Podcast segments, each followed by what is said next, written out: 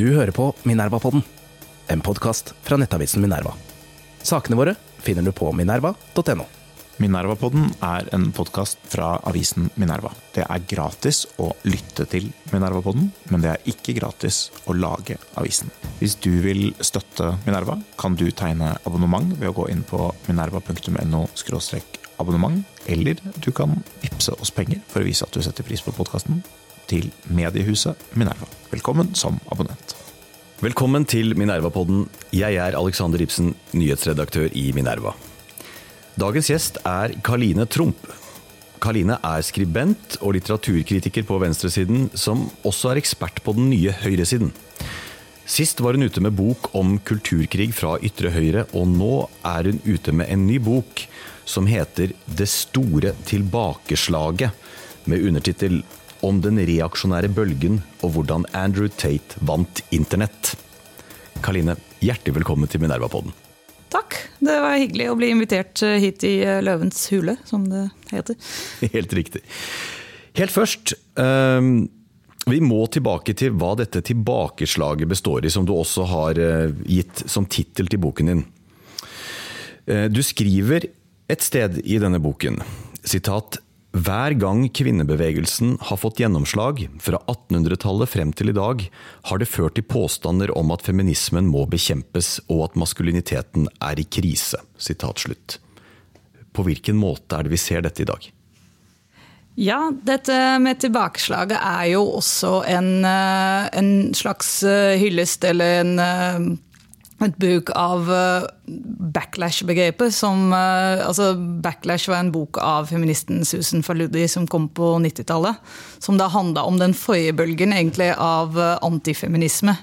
Som, som hun, hun, har en analyse om at det hver gang det ser ut til at kvinner, i hennes tilfelle, er i ferd med å oppnå en seier i samfunnet, oppnå likestilling, så utløser det en slags uh, angst en, en, en, og en kraftig motbølge som prøver å slå ned denne gryende uh, likestillingen. Med andre, med andre grupper også. Til like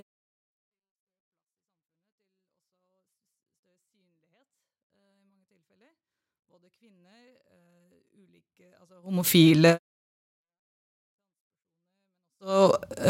innvandrere og folk eh, fra ulike urfolksgrupper som har tatt eh, Som både har fått mer rettigheter, men også kjempet seg til en plass i samfunnsdebatten. Og hver gang det skjer, så ser man at det utløser en motreaksjon. Og en ting som da ofte kommer opp, er at nå går det litt for langt med denne friheten. Så kvinner og andre grupper har fremskritt i samfunnet, og så kommer det en motreaksjon fra hvem da? De gamle, etablerte som er redd for privilegiene sine, eller hvor er det motreaksjonen kommer fra? I stor grad så kommer det jo fra de gamle privilegerte som er redd for å miste de plassene de har, eh, og kanskje ser på som naturlig i et samfunn. Eh, det Faludi skriver om, som jeg for så vidt også ser eh, i en del sammenhenger i dag, er at det er ikke bare de gruppene som kaster seg på den eh, kampen nødvendigvis. For det som ofte skjer, er at uh, veldig ofte så er det jo ikke sånn at folk sier direkte at nei, vi må snu tilbake denne utviklingen. De fins også, det skriver jeg mye om.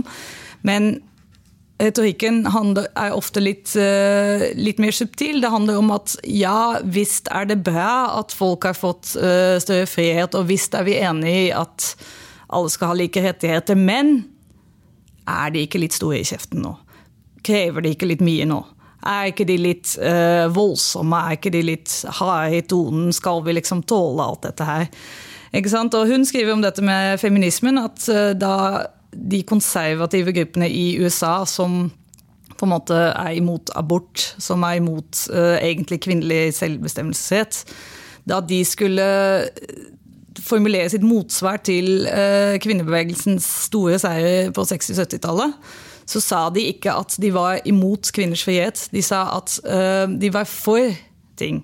De var for familien, og de var for eh, barn, og de var for det tradisjonelle samfunnet. Og de var redd for at all denne friheten gjorde kvinnene eh, altså egentlig var en bjørnetjeneste.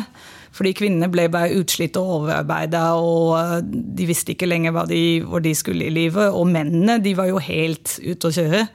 Så all denne friheten var dessverre litt for mye. Eh, ikke sant? Så det tilbakeslaget handler ofte om eh, en slags Jeg tror det ofte er en reaksjon på den ene sida fra de som blir fratatt eller eh, ja, føler at deres posisjoner blir tatt fra dem. Men at de får med seg en del andre som også synes at samfunnet endrer seg litt raskt. Og det er litt, sånn, det, er litt lite å holde seg fast i. Er det ikke greit å mene at samfunnet endrer seg litt raskt, og si ifra om det hvis man på visse områder syns at eh, utviklingen eh, går i feil retning, eller, eller rett og slett går for fort? Da? Er det ikke en helt legitim bekymring å ha det?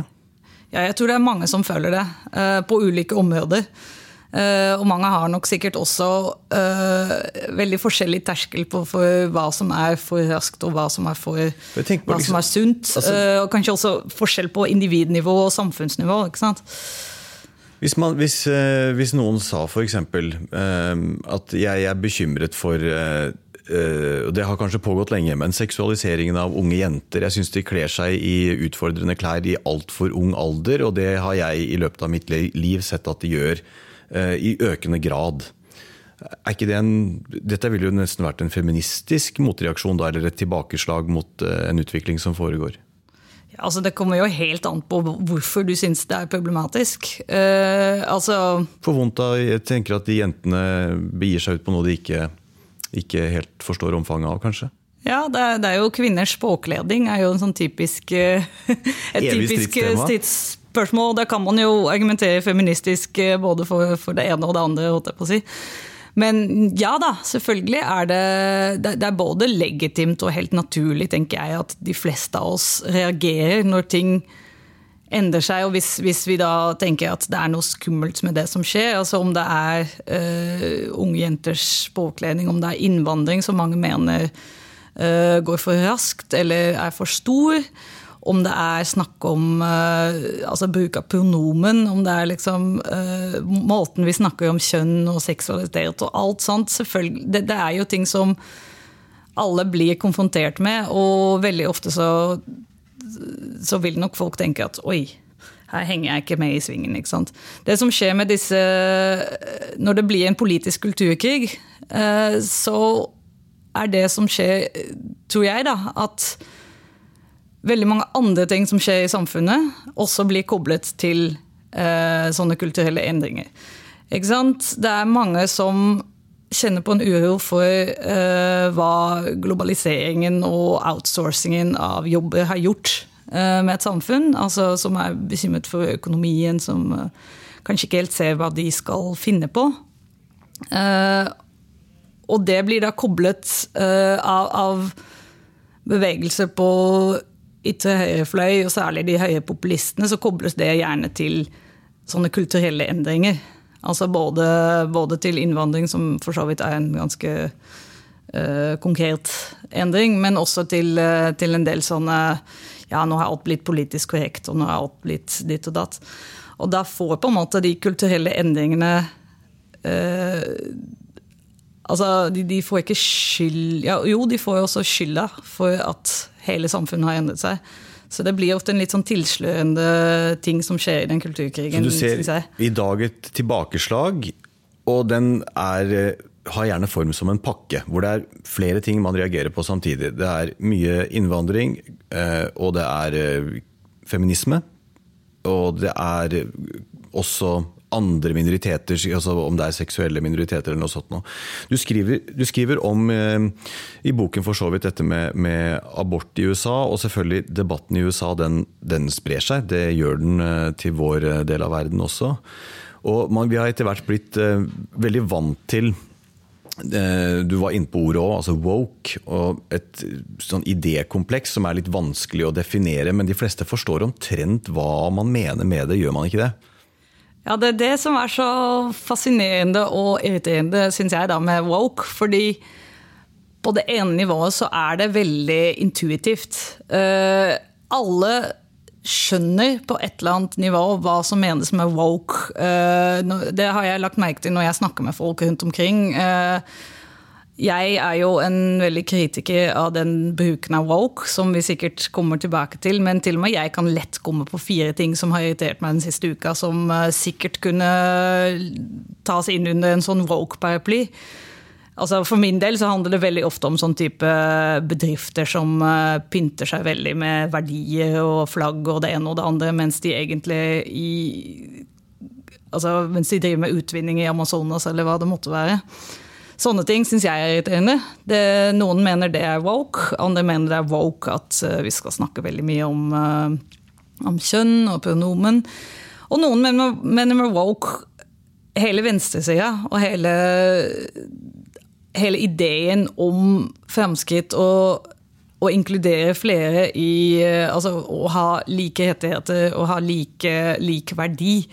Problemet med woke er at Altså det er så mye, det spenner over så mye. Viktor Orban uh, har en sånn no woke zone i uh, Ungarn.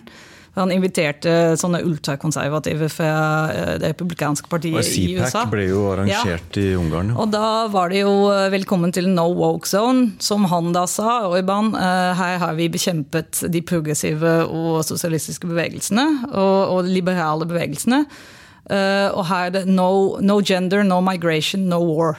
Veldig greit for han. Når Ron DeSantis snakker om å gå til angrep mot woke, så er det snakk om å liksom forby lærere om å snakke fritt om seksualitet og kjønn. Og det er snakk om å eh, begrense abortrettighetene veldig kraftig. Eh, når Ola Svenneby i Norge snakker om woke, så er det jo veldig få jeg eh, skal ikke si ingen, men det er veldig få som tror at han mener nøyaktig det samme som Donald Trump og Ron DeSantis, og at vi nå skal få en sånn slags amerikansk sharia-lov i, eh, i, Norge. Men problemet er at det ordet kan bety alt. Alt som irriterer deg, kan være woke.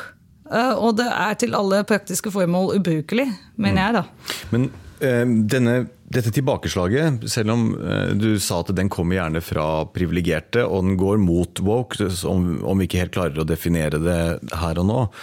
Uh, men i boken din så viser du veldig tydelig at det er jo på internett og for, eh, med målgruppe unge gutter at det treffer veldig godt. Noe vi kanskje også delvis så et resultat av i eh, skolevalget som var, selv om jeg tror nok den er litt overdrevet eh, akkurat hvor mye. Hvor, hvor, likt FPU er med dette Andrew Tate og sånn. Klassekampen skrev jo noe om det, bl.a. at det er noe Du kan liksom dra noen paralleller der. Men de treffer jo unge gutter, da. Ja. Altså Først det med FPU og Andrew Tate. Det er jo litt morsomt på en måte at uh, både Unge Høie og FPU jeg føler at de lener seg veldig på den bølgen av anti-woke som, som, som, i veldig stor grad er en ting som skjer på nett og i sosiale medier, på TikTok og på Instagram og på Twitter, eller X, som det vel heter, uh, osv. Men uten å helt uh, Altså, de, de, de bruker den bølgen, men uten at de selv egentlig står for så mye av det som er det mest ekstreme anti-woke uh, rundt omkring der. Så jeg tror Altså, det, det, er få i Norge som sier høyt at de ser på Andrew Tate som et uh, forbilde, i hvert, fall, i hvert, fall, i det politiske Norge. Så tror jeg ikke det fins Man finner så mange som sier at Andrew Tate er uh, en, en gullfyr. Han eh, syns vi er helt topp. Jeg husker, altså for meg, Andrew Tate, jeg har ikke fulgt ham nok, men jeg har levd lenge, lenge, nok til å tenke at det lille jeg ser fra ham, minner meg egentlig ganske mye om sånn gangsterrap fra 90-tallet, med veldig vulgærkapitalistiske uttrykk i bil og penger, og eh, avkledde damer og jeg vet ikke han, eh, hvor mye han er på narkotikabruk osv. Men den gangen så var jo venstresiden egentlig mer interessert å være litt apologeter overfor gangsterrap. For det var egentlig vel så interessant som en kritikk av den amerikanske storkapitalismen eller systemet. Eller vi måtte forstå det på sånn måte. Uh, mens nå er Andrew Tate er blitt en slags fanebærer for en høyreside han ikke representerer. Er ikke det rimelig å si det sånn? Ja, nå skal ikke, Jeg veit ikke helt venstresidas forhold til gangsterrap. Har ikke jeg studert uh, inngående, må jeg Han, si. men han, min, han minner, hvis du tenker. Ja, altså, hele uttrykket for meg, det lille jeg ser, er en fyr som omgir seg med mye penger og, og vakre kvinner. Akkurat på samme måte som eh, gangsterrapperne. Altså, han kaller seg selv jo Top G. Som da, altså, G er jo gangster, er jo gangster. Han har kalt Vladimir Putin for en gangster. Og det er et kompliment i hans verden. Så, ja, så absolutt, det, det er mye, mye av det, altså. Og det, det han men, men det som er forskjellen Uh, i hvert fall, eller forskjell, Jeg skal bare ikke gå så mye inn i den gangsterrappen som jeg ikke kan noe om. Uh, eh, må jeg bare Det er en del tøffe låter der, da. Ja, jo, men eh? Det, det Andrew Tate gjør som er interessant, er at han Uh, altså han, han setter jo opp dette bildet av seg selv som veldig tøff og veldig maskulin. Veldig uh, på toppen uh, av verden. Og særlig i starten så, så har han jo profilert seg veldig som en sånn som alle kunne bli som han. Hvis, hvis du jobber hardt, hvis du blir med på eh, kulten, som jeg nesten uh, syns man kan kalle det, betaler han for å delta i kurs og uh, motta sånne nyhetsbrev og instruksjoner, og jobber hardt, da kan du bli som han, og da kan du bli en topp G selv. Hvis du da går inn i dette, hva han egentlig sier til disse unge mennene, når man går litt, nærm, litt mer inn på budskapet, så handler det jo veldig stor grad om å utnytte andre. Eh, om å liksom komme seg på toppen over hodet på, eh, på veldig mange andre. De nettkursene han har, for eksempel, der handler det jo mye om å utnytte andres svakheter og utnytte smutthull og det ene og det andre for å tjene penger. Eh, og nå har det jo også kommet en sånn BBC-dokumentar som har vist at han har vel drevet med en slags eh, Man må vel kalle det en slags systematisk opplæring av eh, pimps and hustlers, som man kaller det. Altså å lære menn hvordan de skal utnytte kvinner i sexarbeid og, og ta pengene deres. Eh, Og du er skriver også grovt. om det i en VG-kronikk, denne Ja, dokumentaren. Det, nettopp. Men tilbake til det du egentlig spurte om, hvorfor det er eh, Hvorfor det appellerer til unge menn. Jeg tror ikke noe på at det sitter veldig mange unge menn og er ute etter eh, å dominere og utnytte kvinner for å oppnå et eller annet. Jeg, tror ikke egentlig det er det viktigste. Det viktigste er at Andrew Tate gir en sånn slags uh, det, det er den amerikanske drømmen på speed og amfetamin. Det er en sånn slags idé om at du kan bli superrik og dra nytte av alt som egentlig er gærent i denne verden, i din fordel. Eh, og du trenger ikke å gå på skole, du trenger ikke å gå på jobb, du trenger ikke å gjøre sånne kjedelige ting som å høre på sjefen din. Eh, du, du kan liksom bli din egen herre utenfor systemet. Og over tid så har jo det der antisystemgreiene med han blitt mer og mer eh, altså viktigere og viktigere i det budskapet hans. Så han har begynt å fremstille seg selv veldig som forfulgt og opposisjonell. Og eliten er ute etter han, sterke krefter vil skade ham osv. Mm. Uh, og det det er jo der han har fått mye gehør hos uh, den ytre høyresida i USA, som, som, jo har den samme uh, fortellingen om at Altså det er det samme som Donald Trump, uh, som begynte å snakke om dypstaten og elitene som var ute etter han. Og hvis det, hvis det skulle skje noe med han, så visste man hva som hadde skjedd. Uh, den akkurat den fortellingen har jo Andrew Tate også uh, dyrket over tid. Den, den ytre høyre som du beskriver der, er jo en paranoid bevegelse som ser spøkelser overalt. Og dypstat, som du sa, The Matrix, um, og du må gjennomskue den. Den prøver å undertrykke deg. Egentlig god, gammel konspirasjonsteori som kanskje har blitt gitt en litt hippere innpakning enn uh, hva den har sett ut som tidligere. USA er veldig har alltid vist seg å være et land hvor disse florerer, men vi har også mye av det i Europa fra før. Bare innbill meg at språkbarrierer ikke viser hvor mye av det som er på Balkan eller Italia. Altså, du kjenner godt til Nederland, vet jeg. jeg jeg kjenner godt til Nederland. Der er det også mye, mye rart. Men, nei, altså, men, men, bare for å fullføre resonnementet, fordi nå, nå tror jeg helt ut i på en måte det ekstreme ved Andrew Tate. Men det som jeg tror er mest appellerende for unge gutter, også i Norge For eksempel, det er jo ikke det mest ekstreme det han sier. Selv om det er nok mange som syns det er litt lættis og litt, eh, litt, kult med de som sier drøye ting på sosiale medier. Det er jo også en del av dette. ikke sant? At han inngår i en sånn kultur hvor man skal være drøyest mulig, sjokkere, prøve å overgå absolutt alle andre med, med det du sier og tør, og gå viralt. Så det er en del av det. Men det jeg tror for veldig mange gutter, så er det rett og slett en veldig sterk fortelling han kommer med. Det, det, er den, eh, det, er den, amerikanske drømmen. Det er det der med at du kan bli rik med dine to hender. Eh, du skal ikke du, eh, Ikke stol på noen.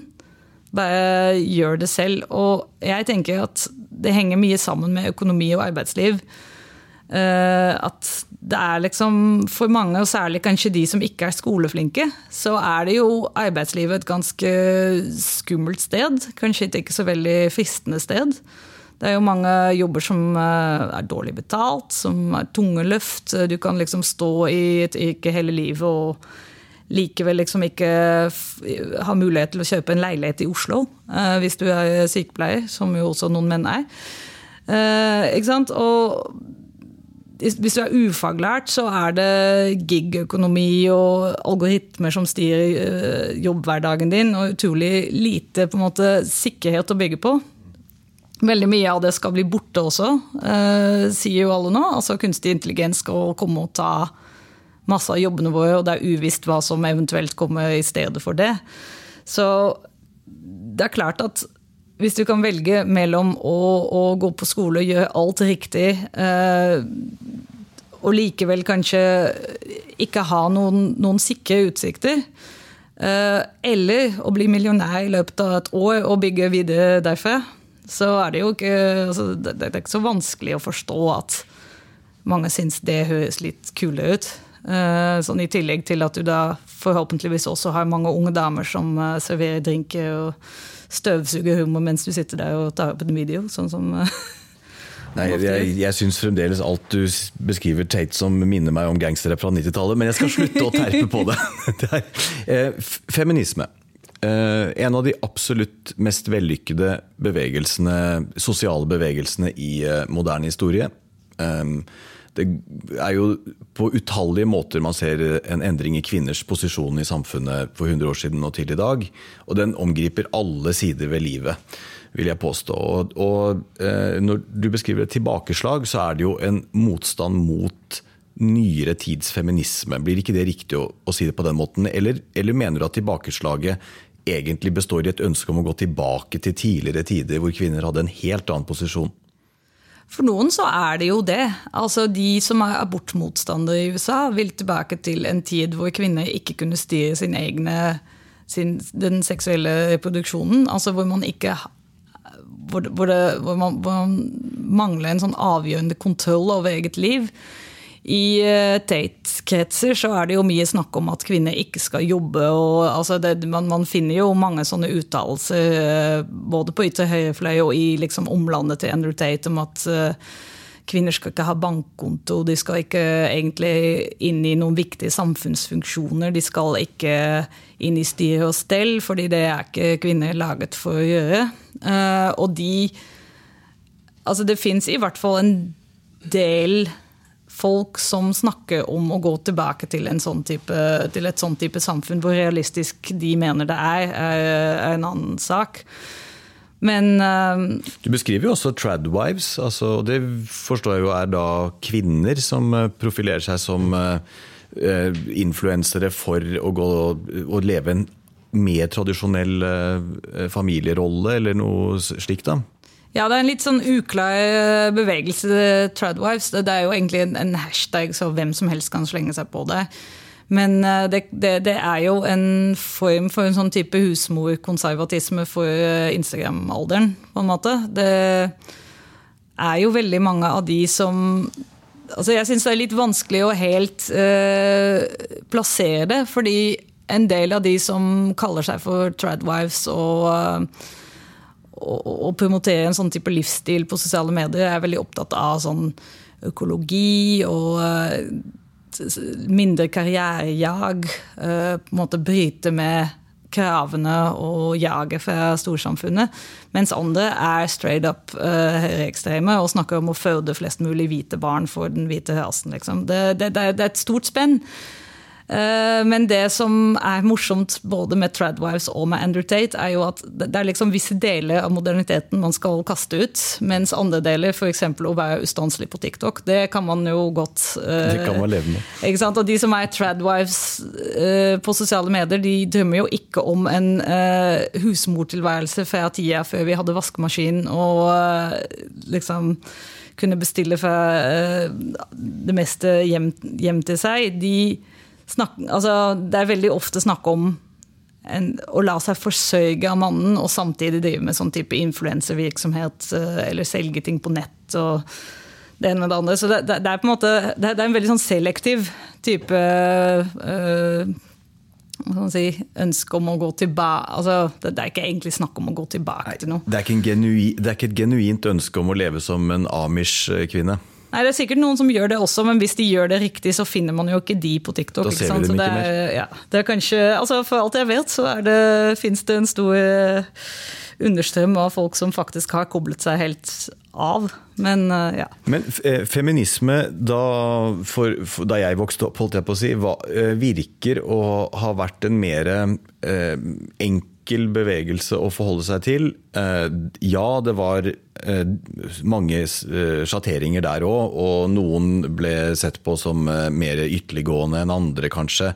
Hvor du hadde noen noen stemmer for å fjerne menn og sånne ting. Altså Vi må komme oss til laboratoriereproduksjon så vi slipper menn, f.eks. Men det var jo et helt, helt mindretall. Men i dag så virker det for en litt uh, utenfor-observatør som meg selv å være egentlig ganske rotete i hva egentlig feminismen uh, består i. Og at den uh, faller lett inn i kompliserte diskusjoner omkring kjønn og hva det er for noe. og da gjør man seg vel også litt enklere Eh, litt sårbar da, for, eh, for, eh, disse unge mennene som, som, vil henge seg på bevegelsene som går. Jeg tenker på bare nytale. Nå ser vi flere steder at man bytter ut ordet kvinne med personer med livmor, f.eks. Ung.no, som er rådgivnings tjenesten til Bufdir, så fikk noen ungdommer som svar at eh, å mene at det finnes bare to kjønn, er på en måte som å mene at jorda er flat. Og jeg tenker på Hvis disse, hvis disse synspunktene blir sånn mainstream og assosiert med feminisme, så vil du også få et, tilbakeslag, da. Ja, her var det mye, mye, forskjellig, på en måte, fordi jeg tror ikke det er først og fremst de unge mennene som er mest opptatt av striden internt i feminismen. Eh, men Nei, altså det du snakker om er vel egentlig mest det med kjønnsidentitet og nye syn på kjønn, som jeg også diskuterer i boka, er et veldig sånn brennpunkt i, eh, i hele den kulturkrigen og i tilbakeslaget. Eh, og der er det jo uenighet eh, innad i feminismen, som du er inne på. Uh, men, men jeg, altså jeg, jeg oppfatta ikke helt spørsmålet. Jeg vet ikke om den, den utviklingen, det, det, at vi nå lager så my, uh, mye diskusjon omkring hva kjønn er, er det, var det et stort skrikende behov etter det, eller er det en bevegelse som kom litt selvstendig fra siden? Det kommer jo helt an på hvem du spør. Uh, da feministene på 60-70-tallet begynte med sine Eller ikke begynte, men kom med den, bølgen, den bølgen som var da, så ville du nok sannsynligvis ha møtt mange mannfolk som uh, lurte på hvor dette plutselig kom fra. Disse, alle disse skrikende kvinnene som brente bh-ene sine. Og i det hele tatt, var det noe behov for dette, egentlig? Så på en måte så er det jo alltid en viss uh, jeg, jeg, tror det er en tendens til å se på de kampene som allerede er vunnet, som det var bra og det var godt at det skjedde, men det som skjer nå, det går kanskje litt Det er kanskje litt rart og fremmed. Uh, og det er jo fordi vi har levd altså Vi har jo vokst opp med feminismen uh, Altså med, med seirene fra feminismen på 60-70-tallet som en del av vår verden som vi vokste opp i. Dette er for oss uh, Dette er status quo. Mens uh, den nye kampen er, handler om fremmed terreng. Det er uh, særlig dette med kjønnsidentitet, som mange syns er uh, vanskelig og fremmed. Samtidig som man også må huske på at altså, transpersoner har jo vært en del av den feministiske bevegelsen lenge. Selv om det har vært litt tid internt om deres rolle og osv. Men, men det har det er ikke noe nytt at transpersoner uh, inkluderes i den bevegelsen. Um, det som skjer med altså Jeg skriver jo om transdebatten, som egentlig er et ord jeg ikke liker så godt, fordi det er mange debatter uh, som, som, på en måte kommer sammen nå for tida. Og det, der havner transpersoner veldig i kryssilden mellom mange ulike grupper og aktører og, og, mange ulike debatter. Og noen av de debattene handler jo om hvorvidt transpersoner skal få, altså skal få eksistere som de, de er. Uh, og der, der, er det jo særlig i um, i USA så har man jo hatt lignende bølger før. Altså Man har jo hatt uh, sånn moralsk panikk rundt homofile da de Eh, da det omsider ble åpnet for f.eks. homofilt ekteskap, så var jo den kristne høyresida i USA utrolig harde på å, å, å, snakke om sånne altså De, de snakka i sånne skremmebilder, altså epidemier, og det, det, var liksom snakk om at uh, barn var i fare for å bli uh, smittet med homofili hvis de kom i kontakt med homofile menn osv. Og, så og det, veldig mye av den uh, kampen mot transfobi som skjer mest på sosiale medier, tror jeg handler om at folk ser paralleller mellom den gangen uh, Altså mellom den backlashen eller tilbakeslaget mot homofile og det som nå skjer med transpersoner. Og det er jo et veldig påfallende likt uh, språk fra den, uh, fra den kristne høyresida i USA om hvor farlig dette er osv. Og så tenker jeg at det som er litt dumt oppi det her, er at uansett om du mener altså om du er helt på motsatt side og mener at transpersoner selvfølgelig skal uh, få leve sine liv og bli inkludert og ha de samme rettigheter som alle oss andre, så vil fortsatt det innebære noen endringer uh, i måten vi har innrettet samfunnet på. Fordi vi har jo hatt altså Hele samfunnet er jo innrettet på et binært kjønnssystem. Så uansett hvor du står, så vil jo det å inkludere andre forståelser av kjønn innebære en del endringer.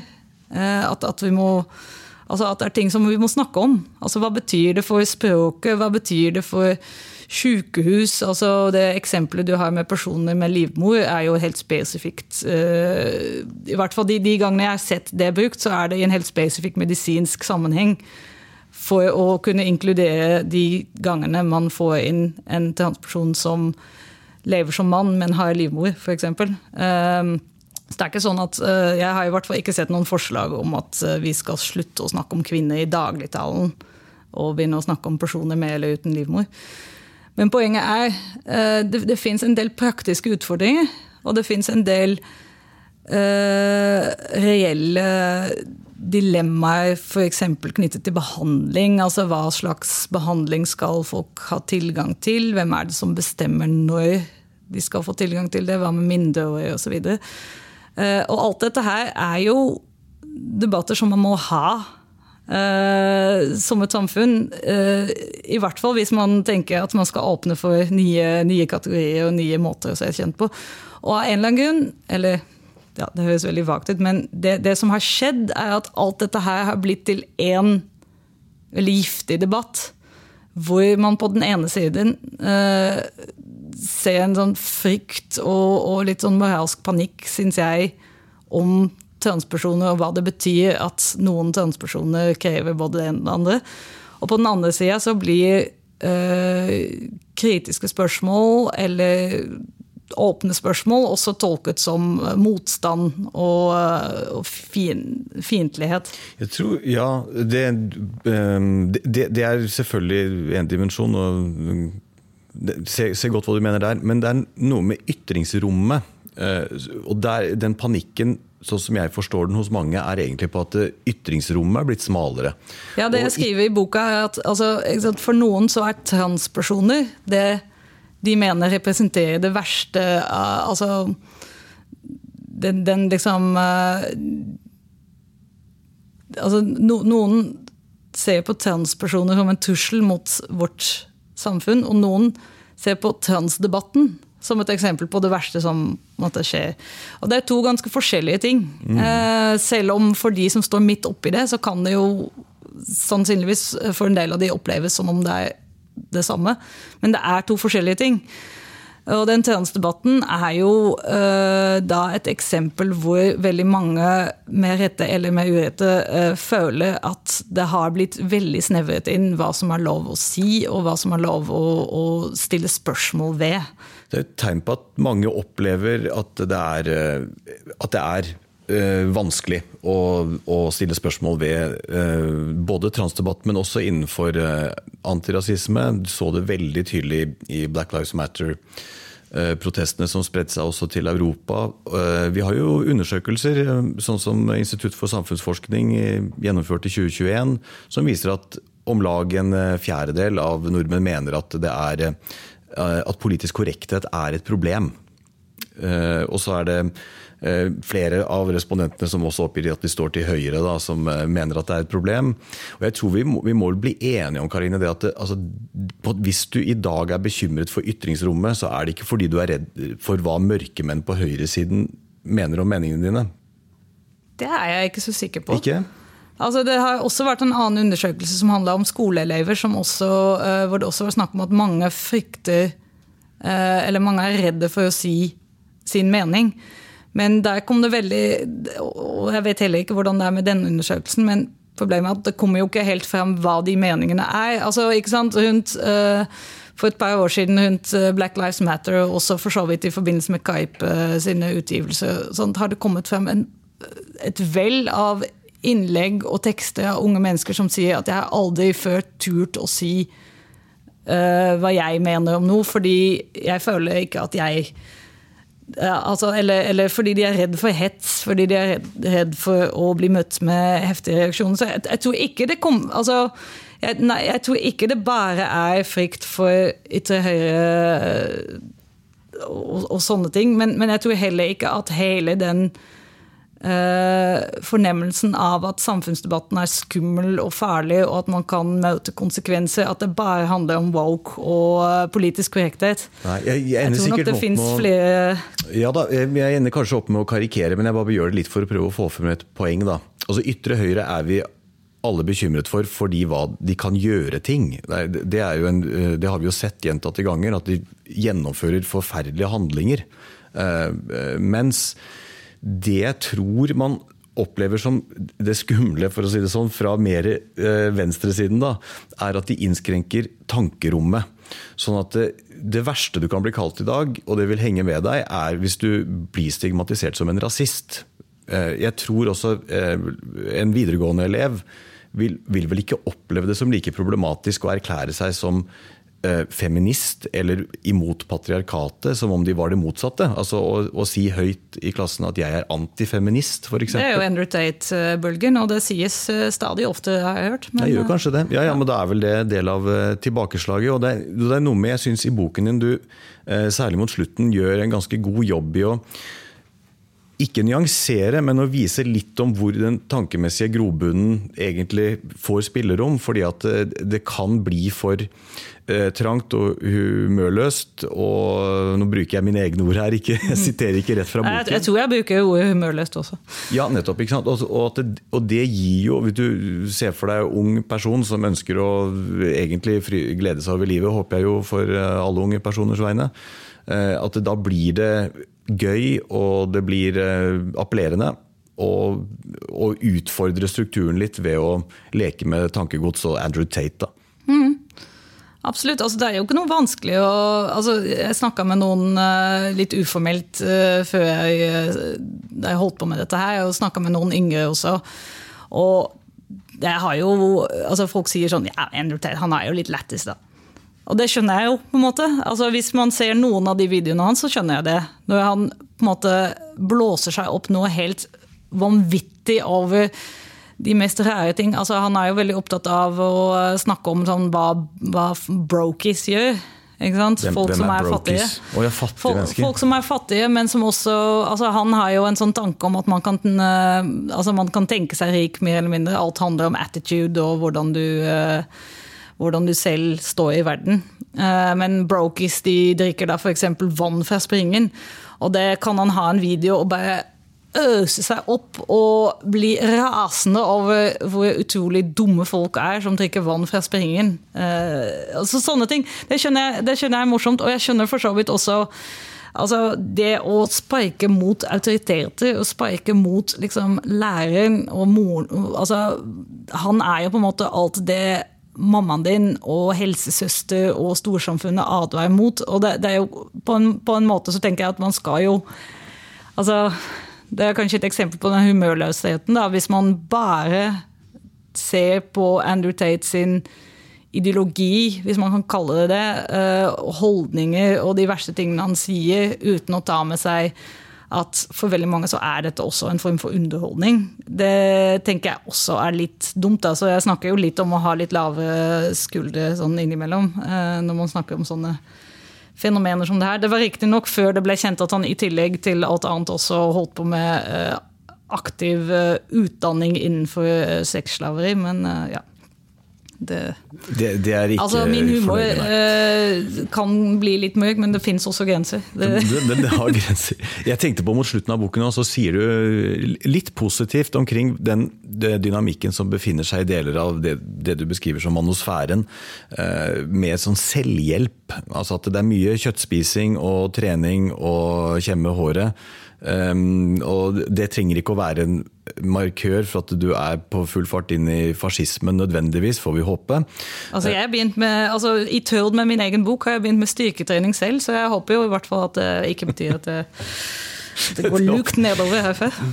Ikke sant? Eh, Det kan bare være positivt i seg selv. og at det, å ikke bare skylde på strukturen og prøve å ta litt eh, ansvar i eget liv, i hvert fall sånn som jeg, eh, den følelsen jeg fikk mot slutten av boken din, at det var en, om ikke forsonende, så i hvert fall å plukke opp noen deler av den bevegelsen som nå definitivt er der, som noe annet enn et bare et tilbakeslag og en motreaksjon, men også noen ting som det går an å se noe positivt i. da. Absolutt. Altså jeg, nå står jo jeg på venstresida, så jeg vil helst hente inn en del av disse gutta til, til min side. Det vil jo kanskje ikke du være enig i, men jeg tror det vi kan være enige om, at de fleste altså, Om folk faller for en ideologi eller en tenkemåte som man tenker er destruktiv og farlig, så vil man jo ikke bare la de være der. eh, Og si at ok, de har gitt opp. Eh, altså jeg får av og til en følelse av at det er sånn deler av venstresida tenker, og jeg syns det er en veldig farlig måte å eh, tenke på. Fordi man skal jo Hvis, hvis noen driver med har et destruktivt menneskesinn, som de jo ikke får av seg selv, men som de får bli lært opp til, så må jo målet være å få de på bedre tanker. Og både liksom argumentere og vise at det fins det fins andre ting. Eh, Man trenger ikke, For å bygge seg selv opp trenger man ikke å tråkke noen andre ned. Eh, Og hvis man Jeg vet ikke, hvis man bruker den jeg har prøvd å finne en slags impuls i dette her, som jeg tror er positiv. Som du sier, eh, det er det der med at Jeg tror mange er opptatt av å finne en eller annen måte å utrette noe. Enten i eget liv eller i verden. Eh, Det som Andrew Tate og en del av de andre influenserne på den, eh, den, den delen av spekteret gjør, tror jeg er å si at ja visst er verden et jævlig sted, men i hvert fall kan du få mest mulig ut av det. Det syns ikke jeg er en så veldig god holdning. Eh, Men tanken, altså at man vil gjøre noe, eh, at man vil bygge opp noe, om det så er sin egen kropp eller kanskje et nettimperium eller noe sånt. Selve impulsen er jo god. Og det, det tenker jeg man eh, Altså, vi på venstresida godt kan være litt mer Der er det noe å bygge på. Ja, absolutt. Du får si, Om vi står på motsatt side politisk, så kan vi i hvert fall bli enige om at det kan bli litt for mye kulturkrig av og til. Så vi må avslutte med tre kjappe, og her prøver vi å være da på ja og nei. Eh, Er dette en løsning på kulturkrigen? Nummer én skjermfri tid for ungdom. Ja. Et ja. Et rett ja. Uh, nummer to Uh, Jeg vet ikke hva de heter, men sånne faktasjekksadvarsler på sosiale medier. Sånn at nå, nå får du falsk informasjon her. Ja. Den også? Jeg tror, ikke- altså, jeg tror ikke det er en løsning på kulturkrigen, men jeg tror det er et positivt bidrag uh, til en viss grad. To og en halv, det da. Ja. Ok, Og så nummer tre. Dekolonisering av skolepensum. Ja. Tusen takk for at du kom til Minerva-podden, Karine Trump.